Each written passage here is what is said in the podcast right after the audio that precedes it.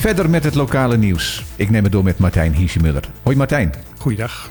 Gisteravond de Eilandsraadvergadering waarin wij hoopten wat meer duidelijkheid te krijgen over het lopende conflict in de coalitie. Maar eigenlijk alles wat er concreet uitkwam is dat de coalitie een mediation traject ingaat. Dat is eigenlijk het meest concrete wat er uitgekomen is. Er zijn wel wat dingen duidelijk geworden. Hoor. Het is een heel principieel conflict. Dat is wat, het, wat er duidelijk geworden is. De NPB-gedeputeerde uh, nou allebei toch een redelijk principieel standpunt in. En Hennissen Tielman was daar het meest duidelijk in. Mhm. Want die zei van, het gaat mij niet om of die vijfde bouwlaag mag ja of nee. Daar mogen we inderdaad uitzonderingen op maken. En mijn probleem is dat dit niet de weg is waar we met Bonaire op naartoe moeten. Ja, want er is een visie en dit staat haaks op die En die visie. zit haaks op die visie. En hij zei van, ik kan dit niet verantwoorden tegenover mijn achterban. Ik kan het niet verantwoorden met mezelf, want we zijn een ander traject ingegaan. Ja, nou de gezaghebber heeft dus gezegd dat er dan een mediation traject ingegaan wordt. Wat houdt dat precies in? Dat houdt in dat er iemand uh, of een paar mensen met alleen de gedeputeerde gaat praten. Dat heb ik begrepen. Een soort bemiddelaar. Een bemiddelaar. En kijken of er tot een compromis gekomen kan worden. Nou, dat compromis kan alleen maar zijn dat een van de gedeputeerden overstag gaat en de andere kant uh, gaat stemmen. Ja, tijdens die mediation periode, waarvan niet bekend is hoe lang die gaat duren, worden er ook geen mededelingen aan de pers gedaan. Nee, er is een radiostilte. Dan, de gevolgen van de klimaatverandering zijn ook Greenpeace niet ontgaan. We hebben het dan uiteraard over onze eigen regio. Er is een campagne gestart. Ja, als je een paal ziet met een, een, een reddingsvest eraan, ja, een zwemvest eraan, dan is dat door Greenpeace daar neergezet als een soort waarschuwing van jongens, het water gaat stijgen. We hebben straks allemaal zwemvesten nodig. Een ludieke actie. Ludieke actie, maar de gedachte erachter is wel vrij serieus. Zeker. Want ze zeggen, er wordt op het eiland gewoon veel te weinig rekening gehouden met dat inderdaad hier de waterspiegelstijging groter zal zijn dan uh, op andere plekken in de wereld. En wij zijn, vooral Bonaire, uh, Sint-Eustatius en uh, Sao hebben er iets minder last van omdat dat oude vulkanen zijn. We gaan hier grote last van hebben. Ja. Een groot gedeelte van het eiland gaat onder water komen te staan. Toch lijkt dat bewustzijn langzaam maar zeker een beetje op te komen. Ja. We hebben het er al een paar keer over gehad. En het bestuurscollege overweegt nu een klimaattafel Bonaire in te stellen. Wat houdt dat in? Dat houdt in dat dat een overlegorgaan gaat worden waar dus over de klimaatveranderingen gepraat gaat worden. En dat het een expertisecentrum moet gaan worden waarbij dus kennis kan opgevraagd kan worden van jongens, wat gaat er met de storm gebeuren? Die gaan krachtiger worden.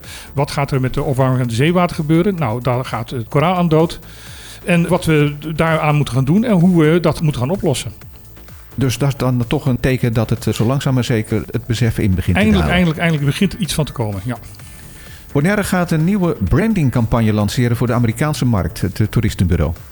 Ja, ze zijn uh, naar eigen zeggen begonnen met een brandingsinitiatief om Bonaire te herpositioneren bij de Amerikaanse doelgroepen. Mm -hmm. Ze proberen dus ecobewuste reizigers vanuit Amerika, de avontuurlijke reizigers zoals zij het dan noemen, deze kant op te halen. Ze willen eigenlijk ook een beetje proberen reizigers hier naartoe te halen die eventueel vrijwilligerswerk willen gaan doen. Om ook het eiland wat dat betreft ook actief te gaan helpen. Ja. Ze willen een heel ander soort toerist hebben die actief ook wil meewerken om het Bonaire Bonaire te laten blijven. Ze hebben ook gezegd dat vanaf nu alleen nog maar digitaal geadverteerd gaat worden.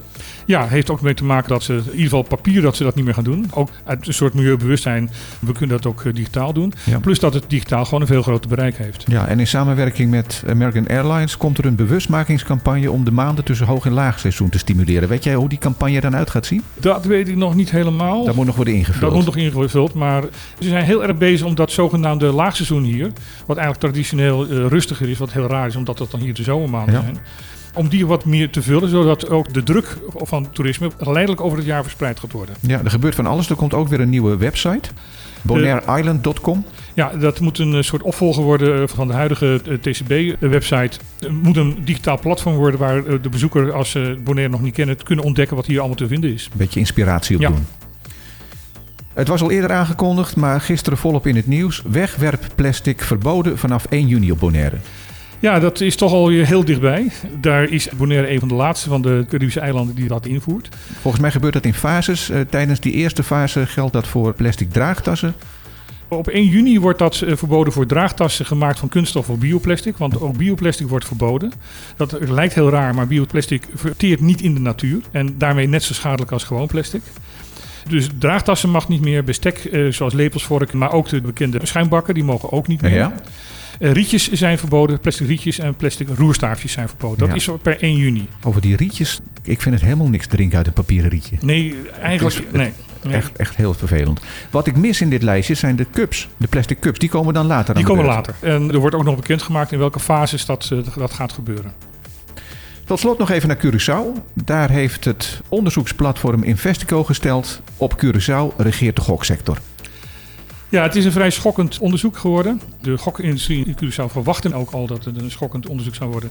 Want de masterlicentiehouder Cyberluck had bij voorbaat bij de rechter in Nederland al geprobeerd om publicatie te verbieden. Juist.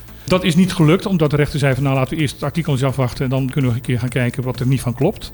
Investico die werkt daarmee, de Groene Amsterdammer werkt daar mee en het VPRO radioprogramma Argos eh, werkt daarmee. Al- allemaal vanuit Nederland, van vanuit allemaal Europees Nederland. Nederland. Ja. En de conclusie van het onderzoek is: ehm, de gokindustrie in Curaçao is in handen van de maffia.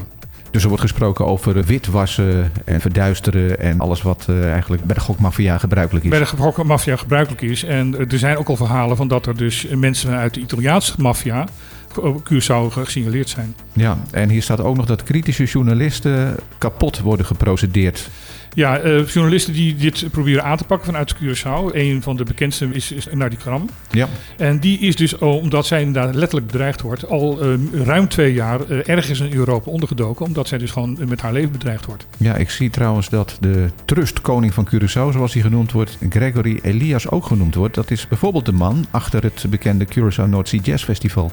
Hij beweert dat hij er niks mee te maken heeft. Maar het is wel raar dat vanuit zijn kantorendes, eh landhuis Yonchi, Mhm. heel wat verschillende gokbedrijven eh, daar gevestigd zijn op papier. Nou, ik denk dat dit eh, de start is van informatie die nog ergens klaar ligt om gepubliceerd te worden. Dit gaat een vervolg krijgen en groot ook de druk op de regering van Curaçao om er eindelijk iets wat aan te gaan doen. Ja, dan hebben we nog het weer te goed. We zitten nog steeds in de invloed van een tropical wave. Veel bewolking en zo nu dan kans op regen. De komende dagen gaat die wave ons passeren. Dat betekent dat daarna wel weer wat beter weer komt. Het is wat, eigenlijk wat, het gisteren ook was. eh, zwaar bewolkt, eh, plaatselijk een bui. 31 graden, s'avonds eh, 27 graden. Eh, windkracht 4 A5 met z'n uitschieters naar 6.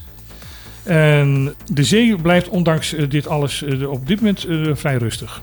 Dit was voorlopig even de laatste nieuwsuitzending. Dat komt omdat we beide erg druk zijn de komende weken. We hebben ook gewoon recht op een stukje vakantie. Dat- Ja, laten we het maar even een vakantie noemen. Dus ik denk over een eh, week of drie de terugkeer van dit eh, Ik- lokale nieuws. Ik verwacht dat ik eh, 13 juni weer terug ben. Kijk aan. Nou, tot half juni dan en eh, succes met alles wat er moet gebeuren. Dankjewel.